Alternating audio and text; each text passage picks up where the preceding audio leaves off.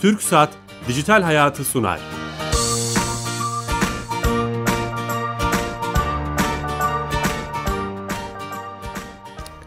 Herkese merhaba, ben Bilal Eren. Her cuma TRT Radyo 1 mikrofonlarında teknoloji, internet ve sosyal medyanın hayatımıza etkileri konuştuğumuz Dijital Hayat programımıza hoş geldiniz.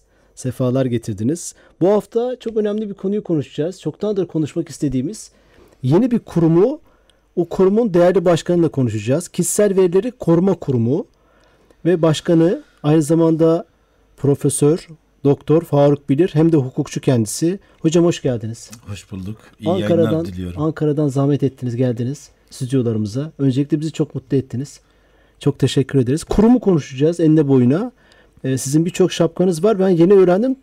Ee, radyoda program da yapıyor musunuz bu konuyla ilgili? Evet. Onu da konuşacağız. Ama öncesinde sponsorumuz TürkSat. TürkSat'a bağlanıyoruz. Ee, bizi her hafta Türkiye Gov.tr'nin E-Devlet Kapısı'nın, dijital devletin bir hizmetini, hayatımızı kolaylaştıran bir servisini bize anlatıyor. Telefon attığımızda Sami Yenice Bey var. Sami Bey. Bilal Bey iyi yayınlar. Teşekkürler. Nasılsınız? Teşekkürler. Sağ olun. Sizler de iyisiniz.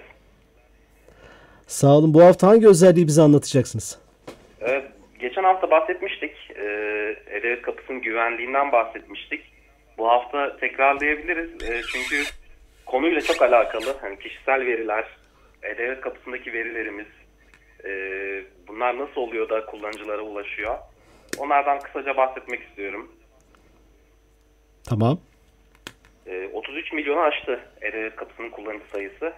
2165 elektronik hizmet, 332 kurumun koordineli çalışmasıyla vatandaşlara, kullanıcılara ulaştırılıyor. E, bu hizmetler her kullanımda ilgili kurumdaki veri vatandaşa göstermek suretiyle e, hizmet gerçekleştiriliyor. Dolayısıyla E-Devlet Kapısı veri tutan bir e, platform değil.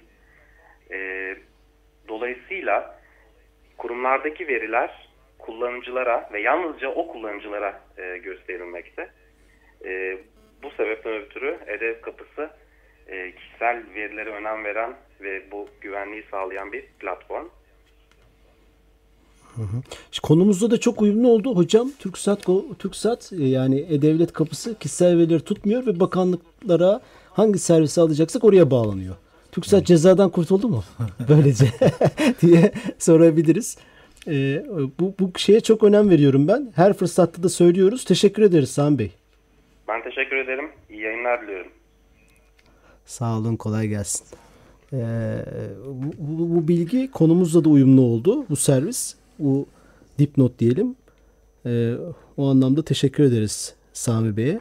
Yeni açan dinleyicilerimizin tekrar edeceğim. Kişisel Verileri Koruma Kurumu. Günümüzde dijitalleşen dünyada özellikle verinin, kişisel verinin önemi bir, kaz, bir kez daha arttı.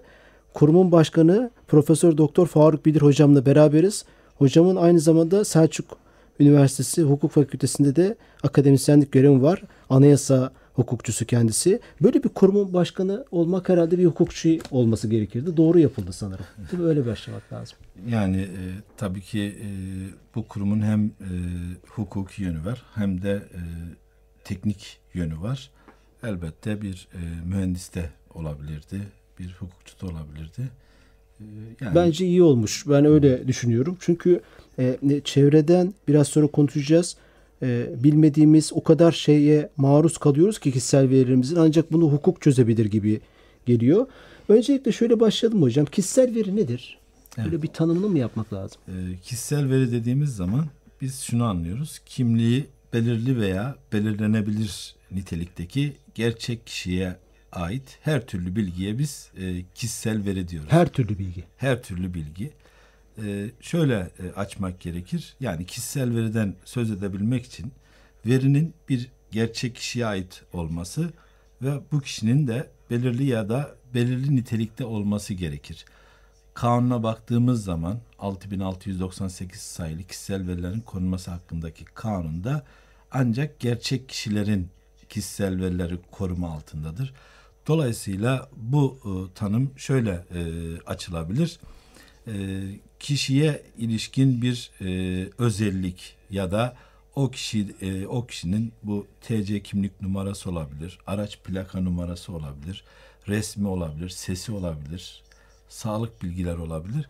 Bunlar o kişiyi belirli veya belirlenebilir kılıyor ise yani biz bu veriler e, aracılığıyla, bu bilgiler aracılığıyla o kişiye ulaşabiliyor isek bu kişisel veridir. Yani kimlik bilgilerimiz bir kişisel veri, şahsi bilgilerimiz kişisel Sağlık veri. Mesela benim hangi restoranda yemek yediğim, hangi takımı tuttuğum, hangi partiye oy verdiğim bunlar da kişisel veri mi? Parti üyeliği, sendika üyeliği, e, etnik köken, e, kılık kıyafet. Yani burada e, bir sınırlandırma yok. Kanunda kişisel verinin işte şunlar kişisel veridir diye bir sınırlama yok. Önemli olan e, o veriyle kişiye ulaşabiliyor muyuz, ulaşamıyor muyuz? çok yani sadece bunlar kimlik bilgilerinden ibaret değildir. E, aynı zamanda mesela kişinin e, takma ad kullanması, müstehari ad kullanması vesaire bunlar da kişiyi belirlenebilir kılıyor ise kişisel veridir. Tamam ama çok güzel bir o zaman çerçeve çizmiş olduk. Bizim sanırım bu konuda bir kanunumuz da var. Biz onu pro- bir Evet. programımızda konuşmuştuk. Değerli bir hocamızla. O kanunu siz bir hukukçu olarak 6698 yani 6698 sayılı Sayılı- kişisel verilerin korunması kanunu. E, bu kanun e, 7 Nisan 2016 tarihinde resmi gazetede yayınlanarak yürürlüğe girdi. çok yeni aslında değil mi? Evet, Bir yeni bir oldu. kanun. Peki siz bir hukukçu olarak o kanuna baktığınız zaman dışarıdan dünya standartlarında ne, nasıl görüyorsunuz? Çok yeni bir konu olduğu için. Ee, Eski konu ama yeni gündemimize geliyor belki de. Bu kanunun e, temel amacı e, aslında anayasal e, anayasada 2010 yılında yapılan bir değişiklik var. Anayasanın 20. maddesi özel hayatın gizliliği başlıklı 20. maddesine 2010 yılında kişisel verilerin korunmasını isteme hakkı e, anayasaya derc edildi. Dolayısıyla kişisel verilerin korunmasını isteme hakkı 2010 yılından beri bir anayasal hak statüsünde. Ve bu maddede anayasanın 20. maddesinde bu e, hakkın korunması ve usul ve esasların kanunla düzenleneceği öngörülmüş. Dolayısıyla dolayısıyla bu e, kanun 6698 sayılı kanun bu anayasal dayanağa istinaden çıkarılmıştır. Onu açtı ve onu tanımladı bir Evet. anlamda. Yani bu e, kişisel verilerin korunması nasıl gerçekleşecek? Muhataplar, kapsam, amaç vesaire ve kişisel verilerin ihlali halinde e, nasıl nerelere başvurulacak ve en önemlisi de bu kanun sizin de bahsettiğiniz yeni bir kurum ve bu kurumun bir karar organı olan kurulu oluşturmuştur. Hocam oraya ona onu çok merak ediyoruz. Zaten programımızın asıl şeyi o olacak da şunu merak ediyorum. Şöyle de bir eleştiri var ya. E, fişleniyor muyuz? İşte özgürlüğümüz mü elimizden alınıyor? Evet bu kanun görüşmeleri sırasında da bu tartışılıyor. Kesinlikle bu bir e, fişleme kanunu değil. Tam tersine bizim e, kişisel verilerimizin başkalarının eline geçmesini önleyen ve bu kurumun oluşturulma e, tarzı da kötüye kullanmanın önüne geçmektir. Aslında kanun kişisel veri işlemeyi disipline altına alıyor ve e, bu kurum veri işlemiyor. Hani e, işte e, vesaire bir takım e, kanun görüşmeleri sırasında itirazlar e, söz konusu sizin belirttiğiniz minvalde ama e, bu kurumun kuruluş amacı e, ilk önce bu veri işlemeyi disiplin altına almak. Keyfi veri işlemeyi ve gelişi güzel veri işlemeyi önlemek. İkincisi de e, anayasadaki temel bir hak olan başta özel hayatın gizliliği olmak üzere kişisel verileri korunmasını isteme hakkının çerçevesini oluşturmak. oluşturmak. Aslında siz ben sormadan söylemiş oldunuz. Kurumun çalışma şeyi bu. Kurum da çok yeni değil mi hocam? Yeni başladınız. E, Kurum e, bu kanuna istinaden kuruldu E, ama e, üyelerin atanması vesaire e, biz Ocak 2017 e, tarihinden beri görev yapmaktayız. Şöyle şöyle tarif etsem çok şey mi olur? yanlış mı olur? 66.698 sayılı özel hayatın gizliliği ve kişisel verileri koruma kanunu işletecek, Türkiye'de şartlarını belirleyecek, bu konudaki bütün standartları belirleyecek kurumsunuz siz. Evet. Size sizin dayanağınız orası yani. Evet. Ceza kesecek belki. E, yaptırım uygulayacak. Yaptırım uygulayacak, Yaptırım öyle diyelim. uygulayacak. Bu ki para cezası genelde. Ama e, kurumun e, veri e, ihlaliyle ilgili ilke kararları alma yetkisi var. Ayrıca bazı durumlarda veri aktarımını engelleme ya da durdurma yetkisi diyebileceğimiz bir yetkisi de var. E, Ve göreve başladınız. Bir, bir şeyiniz var. Bir, Yargıtay'da kurul üyeleri yemin ederek göreve başladı 12 Ocak tarihinde ve e, 30 Ocak tarihinde de kurul kendi içerisinde başkan ve ikinci başkanını kendisi seçti. belirledi. E, çok geniş bir kapsamı var. Bilmiyorum. Özellikle bu dijitalleşmeyle verilerimizin her tarafta olması isteyerek veya istemeyerek. 9 kişilik bir ekip bunların hepsini nasıl organize edecek? 9 kişi kurul üyesi ama e, kurumun e, kendi içerisinde e, tahsis edilen personel sayısı e, yaklaşık 195 kişi. Öyle mi? O kadar hızlı bir şekilde. Hep ne- nasıl mühendisler, hukukçular? Uzmanlar, daire başkanları, memurlar, e, şube müdürleri e, ve e, uzman yardımcıları diyelim. Kuruma e, tahsis edilen personel. Oo, çok Toplam hızlı bir sayı şekilde. 195 kişi. Aslında kanuna baktığımız zaman kapsam şu. Hani görev alanı itibariyle e, şöyle söylüyor. Veri işleyen gerçek ve tüzel kişiler e, bu kanun kapsamında e, ve bu gerçek ve tüzel kişiler arasında da kamu özel ayrımı yapılmamıştır. Öyle mi? Kamu kuruluşları da e, özel e, sektörde kurulun muhatabı olacaktır. Veri işleyen e, veri sorumlusu sıfatıyla. Aynı zamanda bu kanun kapsamında verisi işlenen gerçek kişiler e, korunacaktır. Ha, tüzel kişiler neden e, kapsam dışında? Tüzel kişilerin verisi olamaz mı? Evet. Bir şirket düşünün. Bu şirketin ismi e, veya ticari kimliği de bir kişisel veridir. Ama kanun kapsamında değildir. Çünkü bu e, kanun ve anayasadaki kişisel verilerin korunmasını istemek hakkı aslında insan onuruna dayanıyor. Dolayısıyla bu bizim bildiğimiz gerçek kişilik e, anlamında bir koruma söz konusu. Tüzel kişiler genel olarak korunmuyor. Ama e, tüzel kişiliğin tüzel kişi aracılığıyla gerçek kişiye ulaşmak mümkünse yani tüzel kişilik bilgisiyle gerçek kişiliğe ulaşılabiliyor ise burada da bir e, kişisel veri söz konusudur ama yine korunan gerçek kişidir. Daha çok e, tüzel kişilerin verileri ticari sır kapsamında koruma altındadır. Hmm, bu- açıklamayı da yapmanız iyi oldu. Çünkü kişisel deyince sanki sadece bireylere bakacakmış gibisiniz. Halbuki e, şirketlerden de yani tüzel kişilerden de tüzel kişiliklerden de sorumlusunuz. Değil mi? E, gerçek kişilerin verisi korunuyor ama e, o gerçek kişiyi e, belirli kılan bir tüzel kişi veri var ise bu durumda o da kişisel veridir O da ama kişisel yine veri. korunan gerçek kişidir, Tamam, bireylerdir. anlamış olduk. Yeni açan dinleyicilerimize tekrar edeceğim. Kişisel Verileri Koruma Kurumu Başkanı Profesör Doktor Faruk Bilir hocamla çok güncel, önemli bir konuyu konuşuyoruz. Yeni kurulmuş bir kurum var. Yeni hayatımıza girmiş.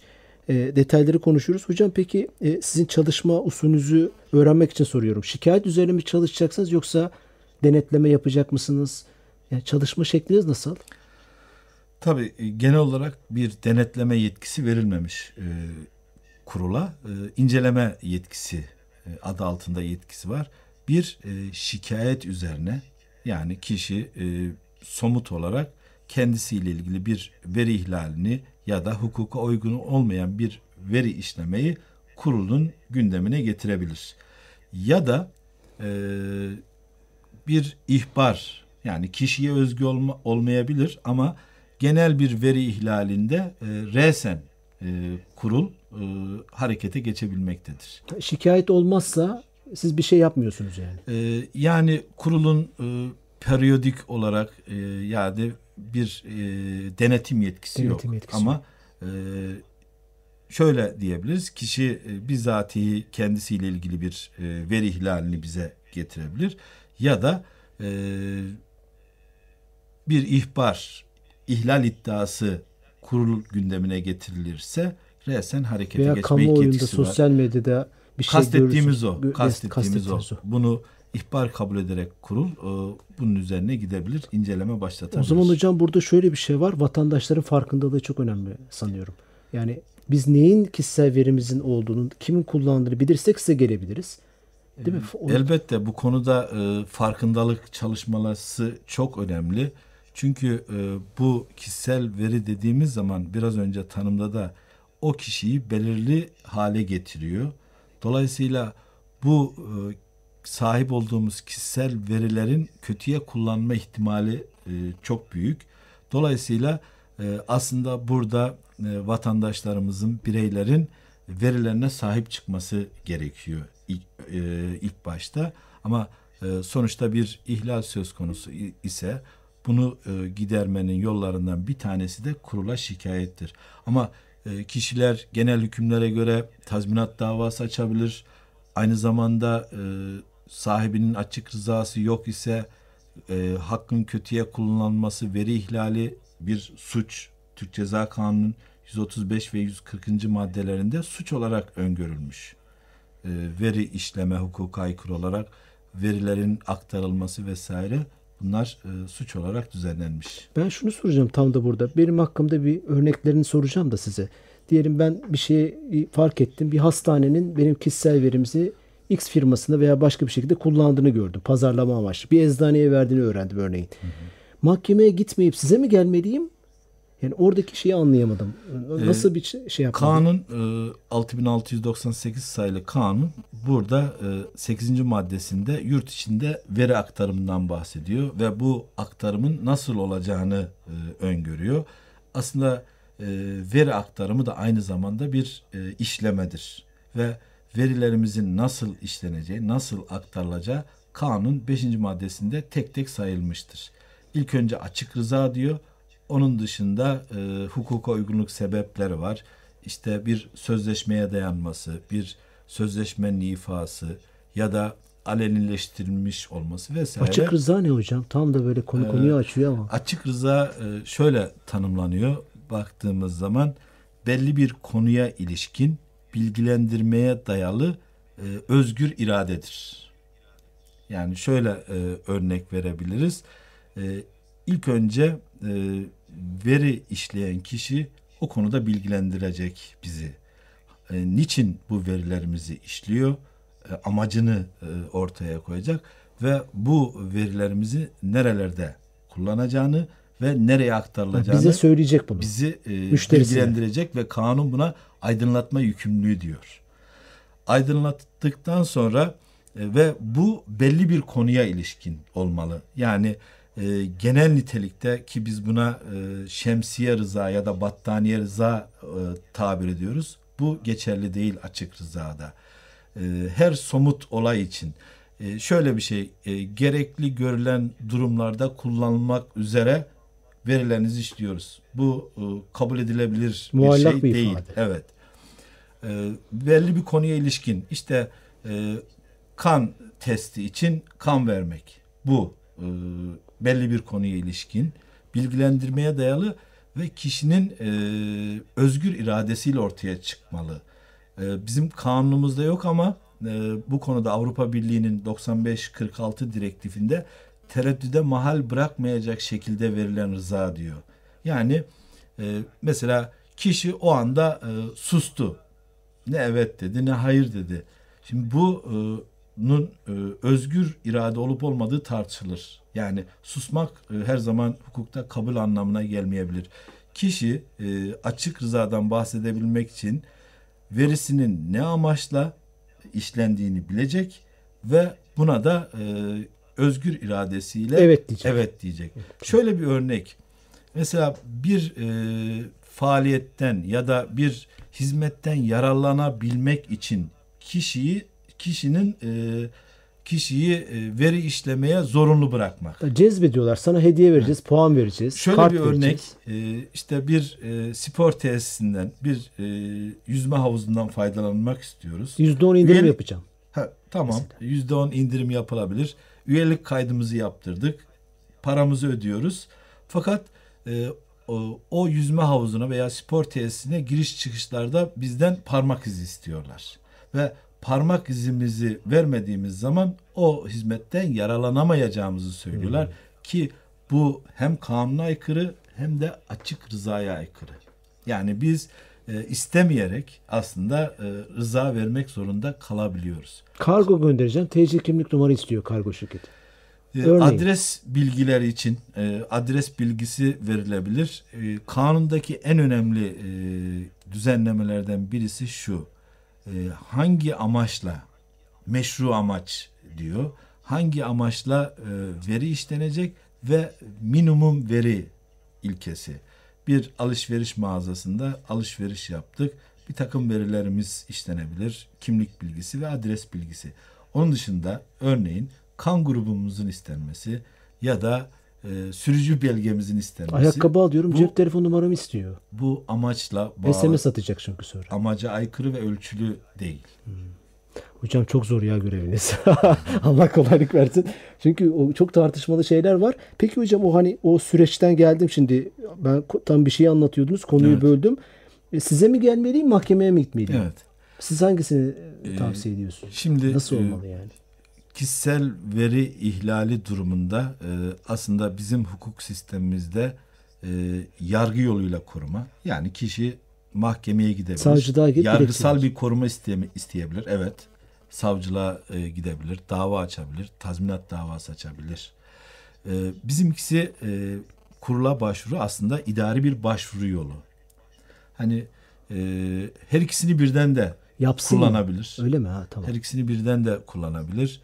Ee, eğer şöyle bir e, nüans var. Eğer e, bu veri ihlali suç teşkil ediyor ise e, bize gelse de biz onu e, mahkemelere Ha, yönlendireceğiz. siz onu yap, ha, yönlendireceksiniz. çünkü tamam. çünkü kanunun e, 17. maddesinde konusu suç teşkil eden veri ihlalinde e, Türk Ceza Kanunu devreye giriyor. Siz orada adeta bir danışmanlık yaparak Bilal kardeşim sen ha, mahkemeye git mi diyeceksiniz. Aslında her kamu kurumunun yapması gereken Yapması bir görev. gereken. Ee, e, Suç teşkil ediyor ise savcılığa ihbarda bulunmak veya Sizin mahkemelere zaten bildirmek. sanırım suçu işleyene bir yaptırımınız var. Yoksa mağdur olana bir şeyiniz var mı? Ceza hukuku anlamında suç teşkil ediyor ise e, bu hapis cezası yaptırımını mahkemeler uygulayacak. Ama bu e, aynı zamanda aynı zamanda bir idari para cezasını gerektirebilir. E, bu veri ihlali. Suçu işleyene. E, evet. Tamam. Veri Sizin ihlali. öyle bir yetkiniz var değil mi hocam? idari para cezası kesme yetkisi Peki var. bana kurulun. be- mağdur olana bir şeyi var mı? Ee, bizim tazminat verme ha, öyle bir yetkimiz şeyiniz yok. yok. Yani o idari para cezasının bir kısmı mağdur olana verilir. Öyle Ama bir, elbette bizim kararımıza istinaden veri ihlali kararı, idari para cezası istinaden e, bir tazminat davasında delil olarak ha, o karar alınır ve mahkemeye de güçlendirilir. Her, her zaman mümkün. Peki hocam vatandaş nasıl başvuracak size? Yani nasıl ihbarda bulunacak? Onun süreci nasıl? Ee, kurul e, bu konuyla ilgili gerekli e, dokümanları hazırlıyor. İşte bizim e, ikincil düzenlemeler, kanunun bize zorunlu olarak kıldığı dört tane yönetmelik var. Bu yönetmelikler e, tamamlanma aşamasında. E, bu kurula başvurunun usul ve esasları e, işte bir e-devlet üzerinden ya da bir modül üzerinden e, gerçekleştirilebilir, e, gerçekleştirilecek. Ama bunlar tamamlanana kadar ki yazılı başvuru, çünkü kanunda başvuru ile ilgili dilekçe kanuna atıfta bulunuyor. Dilekçe şeklinde bir başvuru kabul edilmekte ve o başvurulara biz şu anda da bakabiliyoruz. Ha, şu an vatandaşlarımız dilekçeyle size Ankara'daki adresinize kahve kk.org.tr adresi üzerinden adresi bulabilirler internetten. Dilekçeyi yazabiliyorlar. Onu posta aracıyla kargoyla size gönderiyorlar. Online bir sistem hazırlanıyor şu an. Hazır değil. Evet, bir modül kurulacak. ve- E-Devlet'ten de giriş yapacağız. E-Devlet'ten de Harikaymış. giriş yapılacak. E, Dolayısıyla e, yazılı başvuru şartı bu şekilde modül üzerinden gerçekleştirilebilecek. arkadaşlar bize söyleyecekler. Kişisel verileri şeyi kuruma başvurabilirsiniz E, E-Devlet'ten. Biz onlardan da bu süreçte yardım alıyoruz. Beraber Öyle mi? çalışıyoruz. Ha, çok sevindik. Evet. O, harika. O, o bilgiyi de gelmiş olacak. Hocam böyle hızlı hızlı soruyorum çünkü vakit dar olunca çok da soru sormak istiyorum. Şeyi anlamış olduk. E, vatandaşların nasıl başvuracağını, sonuçlanacağını dilekçeyle başvuruyorlar. Peki şirketlerle ilgili süreç. Mesela ben bir şey okudum. Her şirkette veri sorumlusu olacak artık. Bu nedir Sayın Hocam? Şimdi kanun e, bizim e, literatürümüze yeni getirdiği kavramlardan birisi de veri sorumlusu. Veri sorumlusu kimdir? Kanunda aslında açıkça tanımlanıyor. Veri e, işleme amacını ve vasıtalarını belirleyen ve e, bu veri işlemenin yönetiminden ve kurulmasından sorumlu kişi. Bu kişi gerçek kişi de olabilir, tüzel kişi de olabilir. Örneğin bir e, şirket söz konusu ise, bir tüzel kişiliği olan şirket söz konusu ise veri sorumlusu tüzel kişiliğin bizatihi kendisi. Şirkettir kendisi. Şirket Öyle mi? Ha, veri bir kişi sorumlusudur. değildir yani. Şirkettir. Tüzel kişilerde veri sorumlusu tüzel kişiliğin kendisidir. Ama bir gerçek kişi söz konusu ise bu e, gerçek kişi veri sorumlusudur. Ve kanundaki e, veri işleyen e, tabiri de var. E, veri sorumlusu adına veri işleyen kişiye de kanun veri işleyen tabirini kullanıyor. Tabirini kullanıyor. Ve, veri de hocam o kadar geniş bir kavram ki şimdi e, bir kargo şirketi var, banka var. Bir halı yıkama şirketi de verinizi tutar sizin. Adresinizi, cep telefonunuzu, annenizin adını, kaç tane halı yıkadığınızı ayda. Hani çok afaki bir örnek mi oldu bilmiyorum ama. Yok doğru. Ee, kişisel veriler hangi veriler e, diye sorduğumuz zaman otomatik olan veya e, otomatik olmamakla birlikte hani manuel diyoruz ya Evet. e, ama veri kayıt sisteminin parçası ise e, bu kanun kapsamındadır. Şöyle e, daha somut hale getirelim. E, mesela dijital ortamdaki e, aslında bütün veriler bu kanun kapsamındadır. Ama dijital ortamda olmaksızın e, işte elle bir e, kağıda e, apartmandaki e, yakıt borcunu ödemeyen kişiler bu bir kritere göre e, sıralanmıştır. Bu da e, kanun kapsamına girmektedir. Ama e, manuel yani elle e, yazımda diyelim artık belli bir kriter kullanılmamışsa bunlar kanun kapsamına girmiyor. E, bu kriterler ne olabilir? İşte borcunu ödeyenler, ödemeyenler şeklinde ya da e, e, isim, soyad e, alfabetik sıraya Sadece dijital değil yani manueller de sizin görev alanınıza manueller de girebiliyor. Oo hocam İstisnai olarak. Tek şart veri kayıt sisteminin parçası olması gerekiyor. veri kayıt sistemi. Ayrıca şunu da belirteyim belki sizin sorularınız arasında da var. Bir de kanun özel nitelikli kişisel verilerden bahsediyor. 6. maddesinde.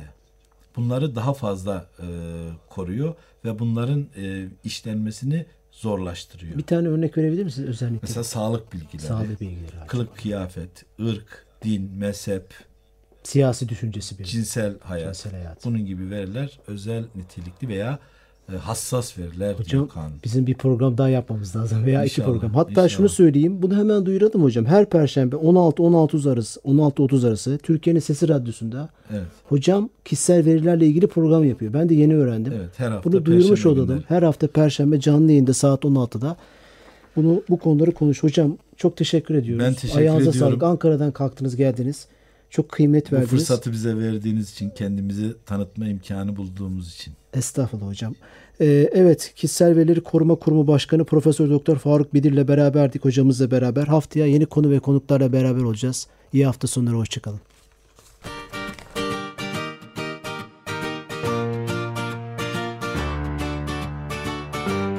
Türk Saat Dijital Hayatı sondu.